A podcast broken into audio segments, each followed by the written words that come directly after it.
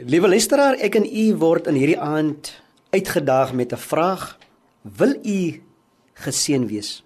Romeine 1:17. In die evangelie kom juis tot openbaring dat God mense van hulle sonde vryspreek enkel en alleen omdat hulle glo. Moenie alleen deur gevoel gedryf en beweeg word nie. Moenie met emosies of demonstrasies loop nie, maar loop deur geloof. Die regverdige sal leef deur die geloof. Sal wandel in die geloof. Bid deur geloof. Sing deur geloof.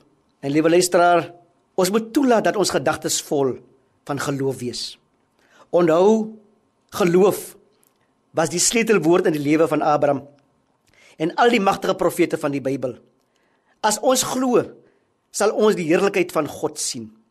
Ons gevoel kan verander van dag tot dag of van uur tot uur, maar ons geloof kan nie verander nie.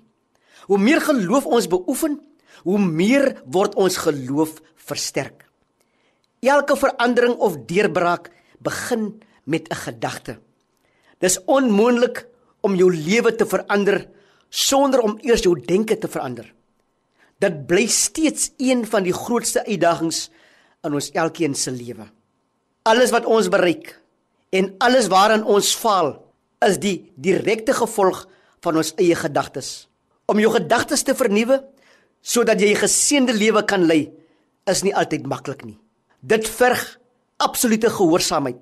Dit verg voortdurende bepensing en bestudering in die woord van die Here.